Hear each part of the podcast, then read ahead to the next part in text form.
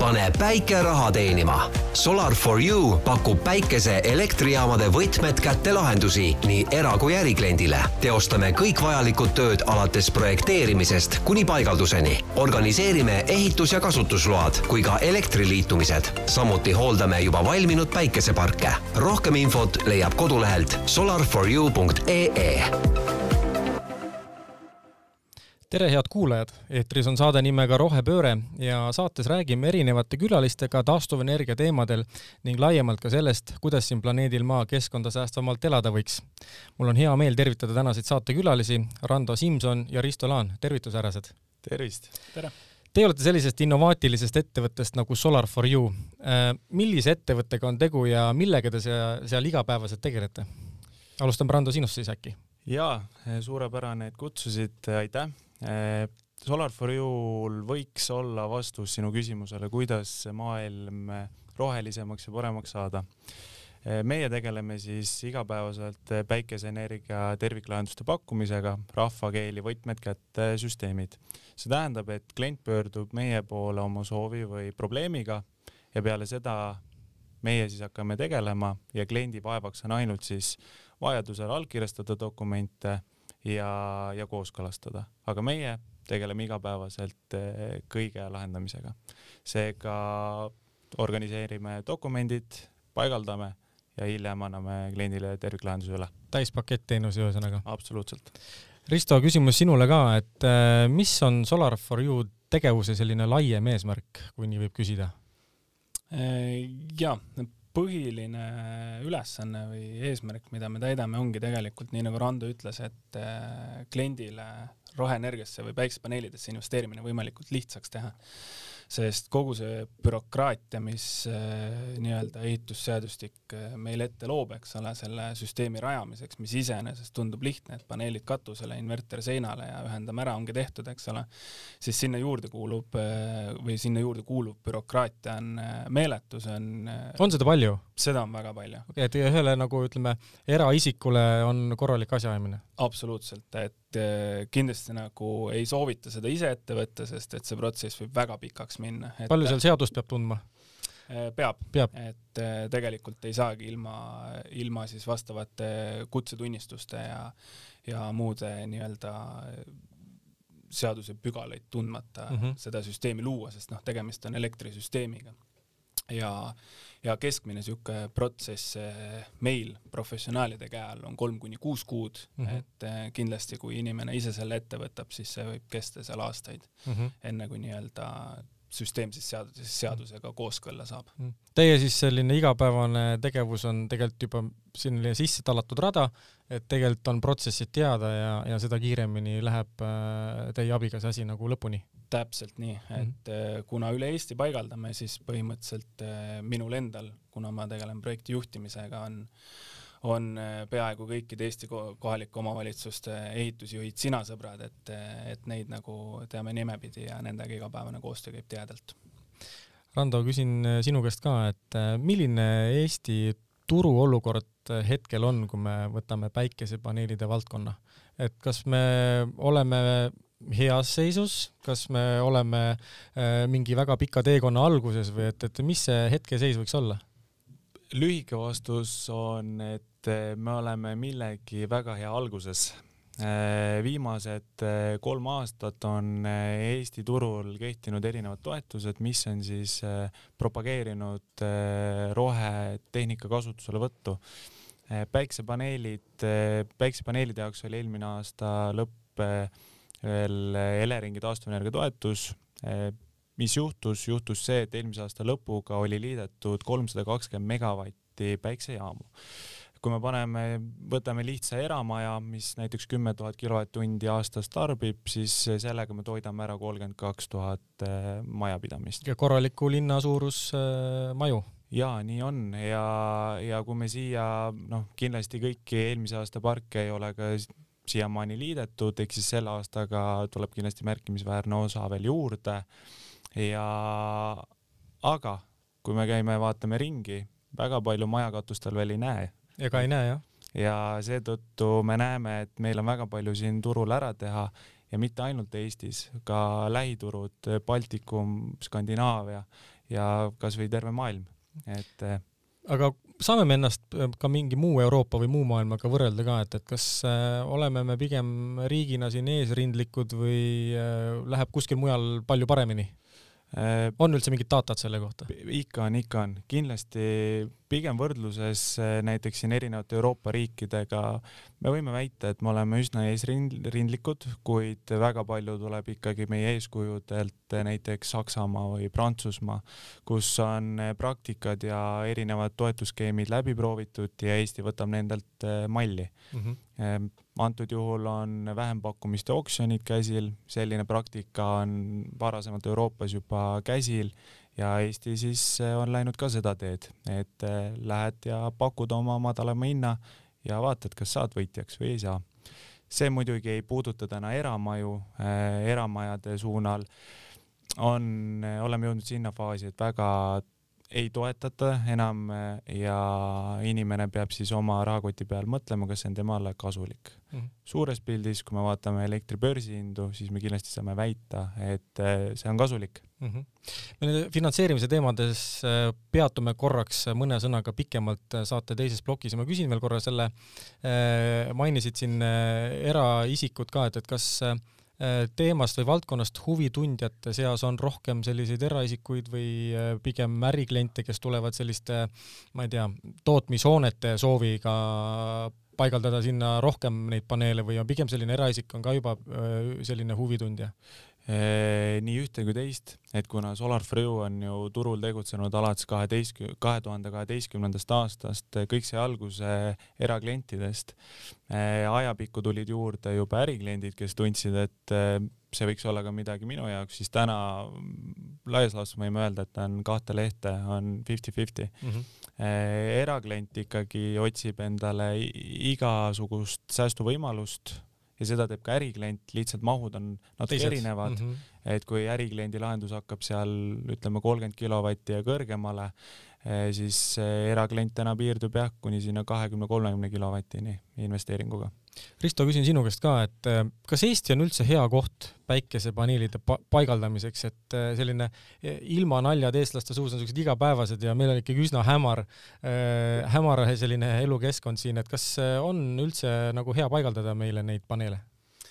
ja arvestades, et meil on peaaegu pool aastat kehva suusailma, siis tegelikult päikesepaneele paigaldada Eestisse tasub et keskmiselt äh, iga nii-öelda paigaldatud äh, ühik siis või kilovatt äh, päiksepaneele toodab äh, keskmiselt äh, ideaaltingimustel umbes tuhat kilovatt-tundi elektrienergiat aastas, mis on võrdeline siis Kesk-Euroopa näitajatega. isegi jah äh, et.... Saksamaaga võrreldakse meid väga tihti mm. -hmm. et selles mõttes äh, tootlikkuse ja tasuvuse poolest kindlasti, kindlasti nagu on, äh, on mõistlik Eestis neid paigaldada mm. -hmm ma korraks jah, tahad veel kommenteerida lisaks? jaa, korra Risto jutule lisaks, väga palju küsitakse meil, mis saab talvel või inimene ütleb, et Just. ma otsin päiksepaneele endale talveks, siis me peame siin kurbusega muidugi tõdema, et talv on see periood, kui päiksepaneelid väga meile kasu ei anna mm. -hmm. seda siis väga lihtsal põhjusel, meil on päiksevalgust vähe üleüldse valgust vähe, on pilvine ja ka lumi tihtipeale varjab ära. Ja inimene peab äh, enda jaoks läbi siis mõtlema, et eh, tootmistsükkel on kuskil, hakkab pihta veebruari lõpust, kui päike on juba kõrgemal, kraadid on veel madalad, mis elektrisüsteemidele meeldivad mm -hmm. ja, ja tootmine kestab kuskil seal oktoobri-novembri alguseni mm. -hmm. ja peale seda siis peame juba arvestama, et sihuke tootmine hakkab drastiliselt langema ja talvekuudel me väga sellele lootma ei saa jääda. kas talv on täitsa nulliring või ikkagi ta mingit, noh, ma ei tea, ütleme mingit suvekodu suudab ikkagi enam-vähem küttesüsteemi nii palju elus hoida, et, et mul vähemasti niiskeks ei lähe seal? vot nüüd on küsimus selles, milline on süsteem ja oh. mis tingimustel ta on paigaldatud, et kui me räägime ju eramajadest, punkt üks, kas ma panen maapinnale, vot maapinna ideaaltingimused on meil sihuke kolmkümmend viis, kolmkümmend, nelikümmend kraadi mm -hmm. maapinnaga suhtes, see siis tagab meile optimaalse tootlikkuse numbri läbi aastate mm. -hmm. kui päike madalamal siis maapark eh, toimib väga hästi, lumi tihtipeale langeb maha, mingi särts meid sealt tuleb, küll aga nüüd olenebki süsteemi suurusest, kas sealt tuleb piisavalt, et meie süsteemi, süsteemi töös, töös hoida mm -hmm. ja, ja muidugi on ka kahte erinevat tüüpi süsteeme, on off-grid ja on-grid. On-grid on meil võrguühendusega, see tähendab, et kui väline võrk, väline võrk kaob, siis need süsteemid lülitavad välja nagu kõik muud tehnikaseadmed meil kodudes ja off-grid'iga me säilitame selle iseseisvuse, aga seal meil on vaja ka akusid mm -hmm. ja akud vajavad kindlasti keskkonda, mis on natukene soojem ja välitingimustesse nad ei sobi mm. -hmm väga hea selgitus siia juurde äh, konteksti mõistmast, et ähm, tuleme korraks nende toetuste ja finantseerimist juurde tagasi, et ähm, kas äh, ma saan aru, et eraisik täna mingit aktiivset toetust äh, nendele investeeringutele ei saa? ja kui me räägime tasuvusest kui sellisest ja toetustest, siis äh, täna me peame kahjuks tõdema, et eraisikule lahendusi ei ole. Äh, kas äriklient saab? Äriklient saab äh, oksjonile minna, nagu ma ennist mainisin, aga see oksjon toimib sellisena, et sul päiksejaam peab olema vähemalt viiskümmend kilovatti võimsus, võimas. ehk siis suurem lahendus. seega tegelikult investeering jah, mis hakkab seal ütleme kolmekümne viie tuhandest pluss käibemaks pihta ja, ja sealt üles kuni ühe megavatini mis on juba kuuekohalised numbrid investeeringu mõttes ja aga kui me nii-öelda erakliendi tasandil mõtleme seda läbi, siis eraklient peab äh, puhtalt äh, läbi mõtestama, kuidas on tema igapäevane tarbimine. kui tema tarbimine on tüüpiline hommikul-õhtul, päeval inimesed tööl, lapsed koolis, siis äh, juhtub lihtsalt see, et päiksepaneelid päeval toodavad, õhtul, hommikul mitte nii palju, aga ja see siis tingib olukorra, kus tegelikult toodetud elektrit suudetakse sealt circa kakskümmend kuni kolmkümmend protsenti ainult ise ära tarbida. ülejäänu elekter läheb võrku aga see ei ole ka üldse halb, sellepärast et kui me vaatame täna elektri börsihindu, näiteks antud tunnil on meil, kui ma ei eksi, sada kakskümmend viis eurot megavatt-tund, siis see on väga palju ja sellise hinna juures tegelikult ei olegi üldse toetuseid vaja, sest säilitame tasuvusaja numbriks kuskil seal kümme aastat mm. -hmm noh, aastad siia-sinna, peame olema ka valmis palju väiksemaks börsihinnaks aga trend on pigem ülespoole. trend on pigem ülespoole, jah. aga kui nüüd toetused korraks kõrvale panna, kas äh, mingid muud finantseerimisvõimalused on tekkinud siia kõrvale, et, et, et kui noh, et ongi see äh, suur vajadus selle investeeringu järgi vaja ikkagi ära teha, on, toimub kas elukohavahetus või liigutakse korterist majja, et, et mis võimalused eraisikul üldse täna on? jaa äh,, meie kõik finantseerimisasutused on tegelikult selle peale mõelnud ja leidnud väga head äh, lahendused siis järelmaksu kujul, kus inimesel antakse väga paindlikud tingimused, kõik hakkab pihta sellest, et äh, me peame mõtlema, kui kauaks see süsteem meile katusele läheb ta läheb kahekümne viieks aastaks, no välja arvatud juhul, kui siis inimene otsustab äh, süsteemi kas uuendada, peab ta need ära võtma või muu probleem. Aga eluiga ikkagi vähemalt kakskümmend viis aastat ja pangad on ka selle peale mõelnud, nad ei anna selleks ilmtingimata viis aastat, vaid eh, on ka võimalik kümme aastat ja ka kaksteist aastat seda saada. ehk siis ülimõistlikult on võimalik ikkagi see ära optimeerida enda jaoks, see nii-öelda see liisingu järelmaks? jaa, pangad nimetavad seda järelmaksuks Järelmaks. Eh, nemad annavad sulle selle raha, ka isegi null sissemaksuga on võimalik seda teha ja mida sa hakkad tegema, sa saad näiteks kümneks aastaks endale järelmaksu, su päikesejaam toodab sulle kas säästu või börsitulu, kui sa võrku müüd ja sellega suudad siis ka katta oma laenu, seda igakuiselt. et eh, pangad on järele tulnud ja väga kiirelt, et meie Solar for You'st eh, kindlasti propageerime kodumaiseid lahendusi, et oleme meie kodumaisel kapitalil põhinev ettevõte ja ka meie partner LHV on seda, et eh, LHV pakub häid tingimusi ja turul on neid võimalusi kindlasti veel ehk põhimõtteliselt saab klient siis asendada Eesti Energia, kellele ta täna maksab lihtsalt elektri eest, asendada näiteks LHV-ga, kellele ta maksab järelmaksu ja siis ütleme kümne või kaheteist aasta mööduses, möödudes see süsteem on tema oma. tema oma jah mm. -hmm.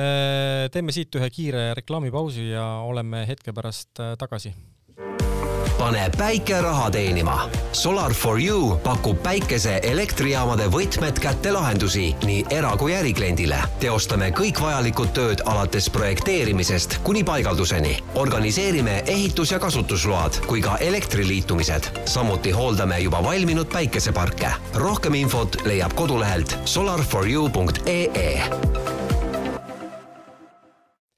ja me oleme pausilt tagasi ja jätkame siit Delfi stuudiost põnevate päikesepaneelide teemaga.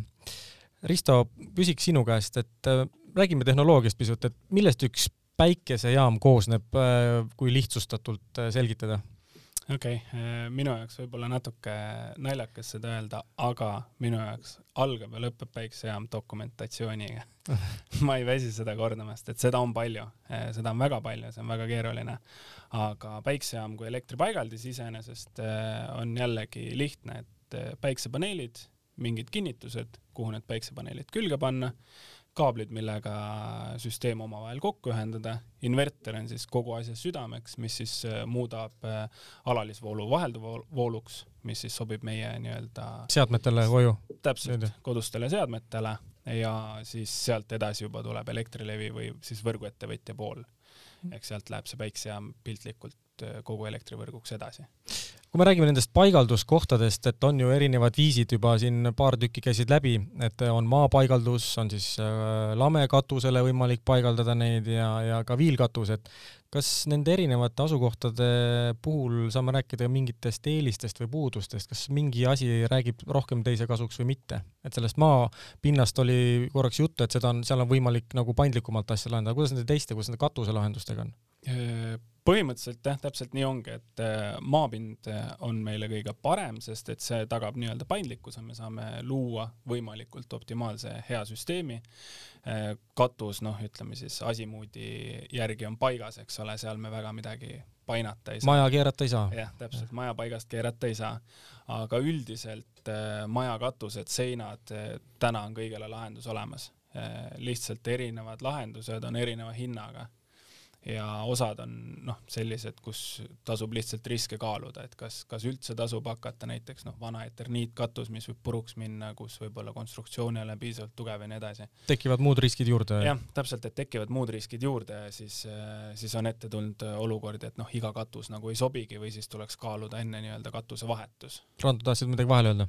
Jaa, äh, Risto mainis, et kõik hakkab dokumentatsioonist ja lõpeb dokumentatsiooniga, siis äh, esimene dokumentatsiooni pool, kus tuleb projekteerimine, süsteemi disainimine, see on väga-väga-väga oluline, ei jõua ära toonitada, sellepärast et äh, päikese, päikesejaam ei ole klassikaline tehnikaseadme ostmine, kus meil on parameetrid teada, automudelitega sama lugu, parameetrid teada, saame jah, varustuses rääkida aga päikesejaam on väga oluline, nüüd kui me võtamegi needsamad tingimused, et meil on erinevad katusepooled, erinevad kaldenurgad, me so-, peame mängima seal, siis äh, see süsteemi disain muutub väga oluliseks, sellepärast et süsteemi parameetrid ja inverteritel on omad nagu nõudmised, kuidas peavad olema paneelide grupid ehitatud. ja kui eh, ebaprofessionaalne inimene või siis inimene, kes ei ole kokku puutunud, ei tea nendest, siis see süsteem ei hakka kunagi täispotentsiaaliga tööle. ja siin tulebki erinevus sisse kvaliteetse ja pikaajalise töö teostaja ja algaja vahel ja täna oleme turul näinud väga palju sellist isehakkamist. ma ei saa öelda, et see on halb, aga lõppude lõpuks kutsutakse meid eh, probleeme parandama ja see... kas tahetakse ise hakata paigaldama, et võetakse riistvara ja et, et ma teen ise, kas nii, see on levinud äh, praktika? nii on ja on ja ka teine levinud praktika on see, et äh, ei tea, ei tehta turul piisavalt nii-öelda uuringut, kellega lepingusse näiteks minnakse ja valitakse endal partner, kes müüb head hinda justkui, tundub, et see on parim võimalik lahendus, aga mis juhtub, juhtub see, et see süsteem ei hakka kunagi päris nii hästi tööle ja on reaalsed kohtunäited olemas, kus eh, inimesed lähevadki paigaldaja vastu kohtusse selle nüansiga, et neil on lubatud X võimsuses päikesejaam, aga see jaam pole mitte kunagi ligilähedast võimsust näinudki. ja, ja meie leiame, et see on nagu suureks probleemiks ja klientide petmine. meie Solar You's tahame rahulikult magada, me tahame teha süsteeme nii, nagu me ise endale teeme. see tingib selle, et me ka nüüd disainime sellisena, et peale seda, kui klient on süsteemi kätte saanud, me ei pea rohkem tegelema probleemidega. ja, ja need tingimused paratamatult on alati erinevad, iga lahendus on isesugune ka maapaigaldised võivad seda olla mm, -hmm. lihtsalt äh, üritan siis edasi anda või toonitada, et, et see ei ole päris pesumasina ostmine, et süsteemi on võimalik ja hinda on võimalik väga palju manipuleerida mm, -hmm. aga selle peale tuleb mõelda ja kriitiline olla, kui võrrelda ehk jah, siin kutsuks äh, kliente üles, et kindlasti äh, ei tasu nagu esimese asjana vaadata seda odavat hinda, vaid tuleks erinevate pakkujatega suhelda ja kuulata, mida sulle räägitakse.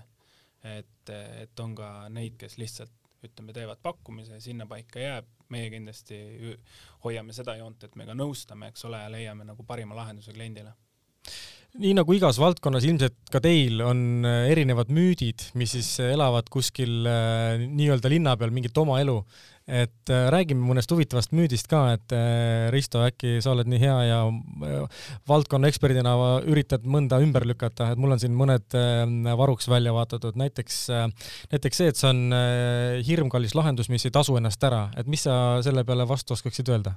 Jah, seda võib kindlasti müüdiks nimetada, et hirmkallis lahendus ei tasu ära, aga teisalt vaatame, mis tänased elektrihinnad teevad, siis elektri hind on ka väga, väga kallis, kallis ja selles, eh, selles valguses, et elektri hind on tõusus joones, on päiksepaneelide paigaldus eramajale just, just ainuõige lahendus nii-öelda siis iga-aastaste kulude optimeerimiseks ehk jällegi seesama, kes ütleb, et väga kallis ei tasu ära, see on äh, nii-öelda ilu on vaataja silmades, et ja võib-olla vähe eeltööd teinud. jah, et vähe eeltööd teinud või siis äh, ootab liiga head investeeringut, et äh, mis iganes kahe-kolme aastast tasuvusaega, eks ole, seda mm -hmm. me täna ei suuda saavutada mm. -hmm.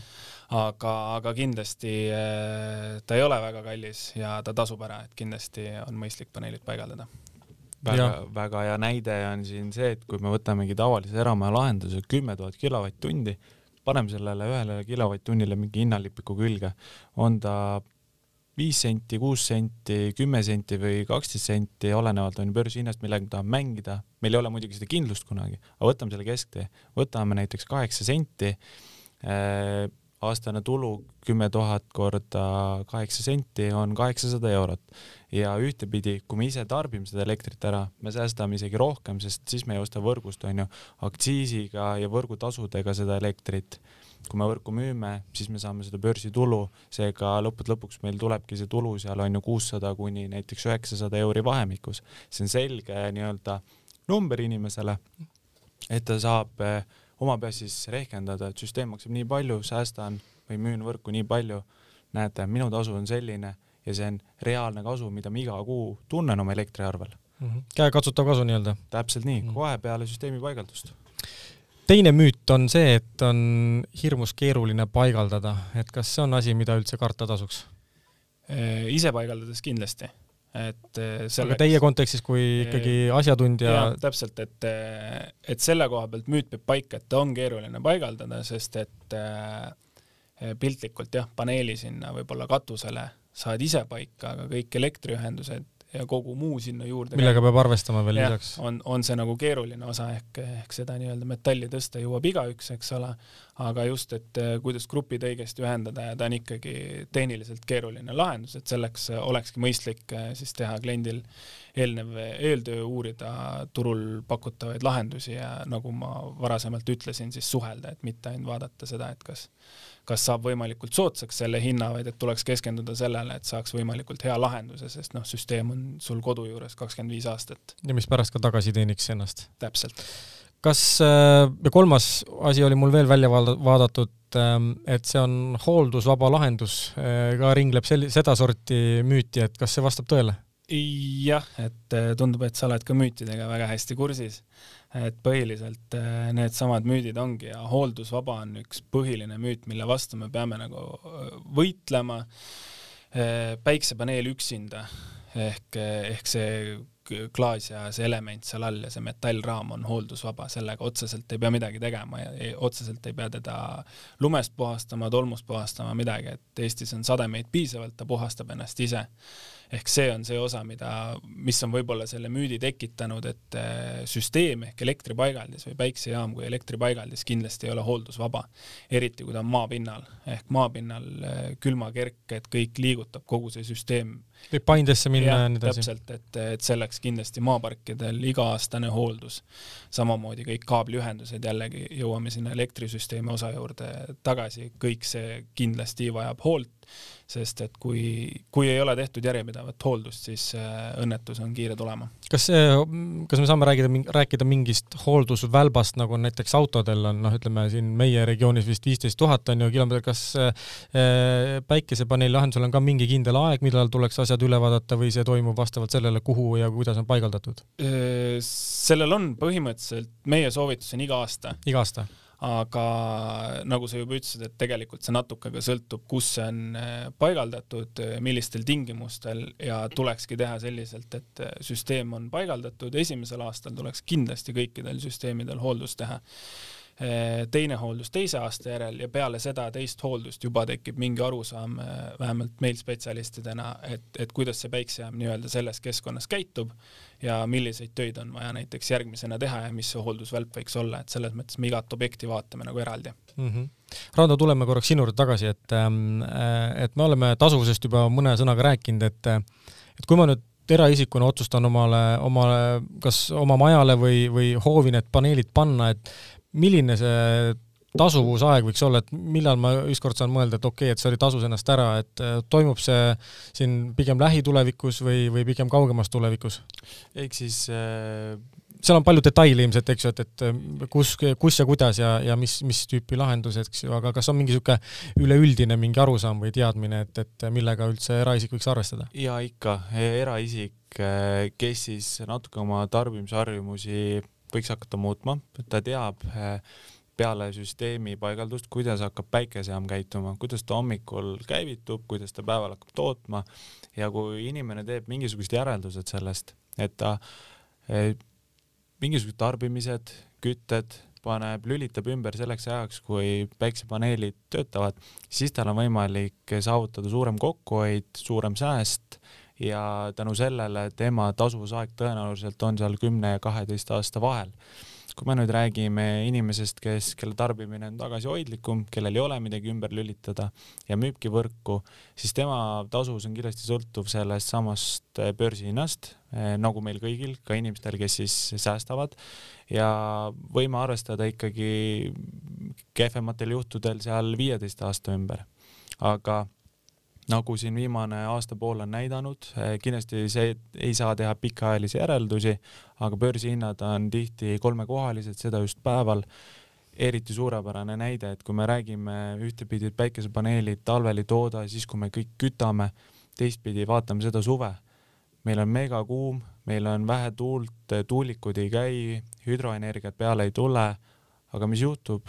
päikesepaneelid toodavad ja kõik need konditsioneerid eh, suure kuumusega uhavad ja see tekitab olukorra, kus börsihind on kõrge, et isegi kui ma ise tarbin selle ära, siis äh, sääst on meeletu ja teistpidi, kui ma ei tarbi, läheb võrku samamoodi selle tuhande kilovatt-tunni eest, mis ma võrku müün, onju, saja kahekümne viie eurose megavatt-tunni eest ma saan sada kakskümmend viis eurot.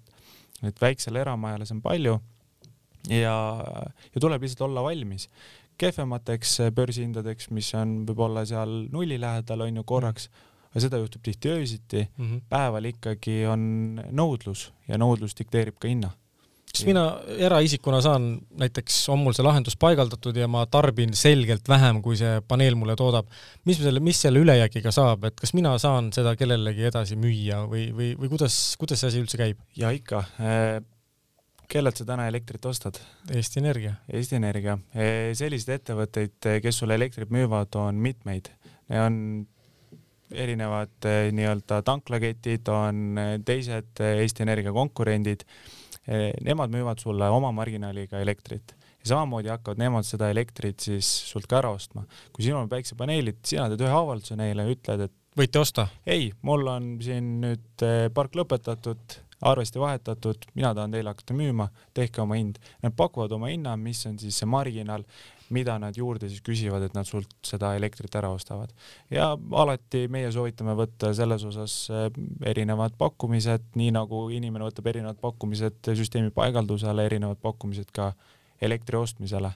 ja, ja siis valib välja, kellel on parim marginaal ja temal hakkab müüma ja see käib kõik automaatselt, inimene ei pea ise arvestust pidama kogu selle süsteemi juures on ka üks kolmas komponent, on seesama liitumine, kuulub esimese dokumentatsiooni hulka, tulebki võrguettevõtja, kes siis paneb eh, uue arvesti, mis hakkab ka toodetud elektrit lugema, mitte ainult tarbitud. Ja, ja kõik see nii-öelda infovahetus käib sellesama arvesti baasil niimoodi, et kuu lõpus, kuu alguses tuleb see arve, mis siis selgelt ütleb, kuidas see energia saldeeriti, palju sul tekkis nii-öelda krediiti nii-öelda müüdud elektri eest, palju sa tarbisid ja kliendid, klientide väga tihe tagasiside ja positiivne tagasiside on kohe esimene kuu, näiteks sellel perioodil, siin suvisel perioodil paigaldatud süsteem, kliendil tekkis kohe krediit ja ta on väga õnnelik selle üle ja ta saab seda krediiti kasutada perioodil, kui ta enam nii palju ei tooda. see tähendab siis äh, nii-öelda lihtsustatuna ettemaksu, et mul on siis mingid ja no a la talveperioodiks mul on näiteks kakssada eurot ettemaksu elektriks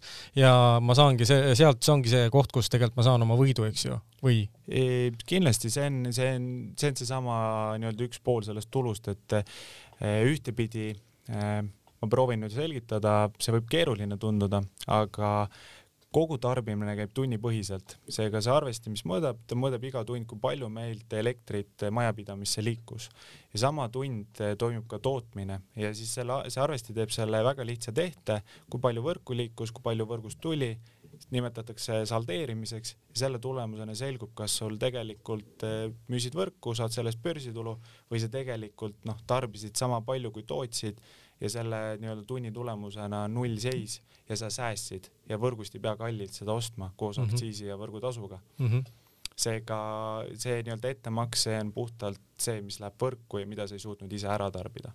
ja lisaks äh, sügisel nüüd septembris tuleb esimene voor eh, rahasid pensionisammastest. Ja tegelikult inimesed on selgelt huvi välja näidanud alternatiivsete investeeringute jaoks, et kes ei ole rahul seniste eh, fondidega, nad tahavad raha välja võtta, aga nad ei tea, mida sellega pihta hakata, et ühtepidi võiks nagu kulutada, aga teistpidi võiks investeerida, siis eh, meie oleme ka selle peale mõelnud ja ühtepidi võibki inimene pöörduda meie poole, kellel on vabad vahendid tekkinud, et tema soovib nüüd endale maale või elumaja katusele paneele ja leiame igal juhul lahenduse. Ja see on nii-öelda investeering järgmiseks kahekümne viieks aastaks, kellele pensionisammas, kellele lihtsalt lisainvesteering portfelli hajutamiseks, aga see on samamoodi üks võimalikke lahendusi, kuidas süsteemi finantseerida milline on või milline võiks olla Eesti kasvuperspektiiv nende päikesepaneelide puhul eraisikute kontekstis, et äh, kas me oleme viie või kümne aasta pärast kuskil, kus me täna ei ole või mis on see mingi vahe, vahefiniš või vaheetapp, et äh, mis see seis võiks olla siin äh, viie või kümne aasta pärast?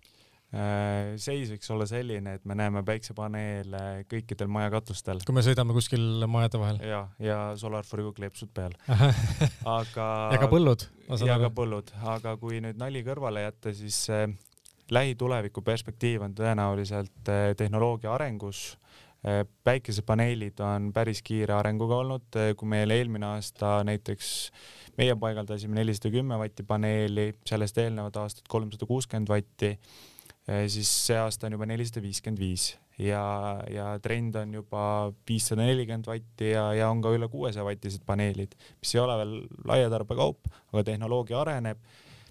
toormaterjali suudetakse paremini ära kasutada ja tõenäoliselt viie aasta pärast vaatame kuuesaja, seitsmesaja vatiseid paneele.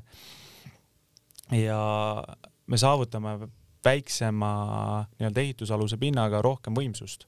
ehk siis eramajale väga positiivne uudis, kui tal on limiteeritud katusepind, maapind, me saame selle võimsuse väiksema ühikuga kätte. mis võib teha, tähendada ka mingis perspektiivis soodsamat äh, lahendust? võiks tähendada. kui tehnoloogia areneb kiiresti, tekib veel erinevaid pakkujaid või tootjaid, eks ju, et e, nii on e,. ma mõtlen just seda riistvara tootmist, et kus tuleb see kuskilt mujalt, eks ju, et ja no vot, muidugi meil täna on selline force majeure Covidi kujul, mis siis tekitab tarneprobleeme.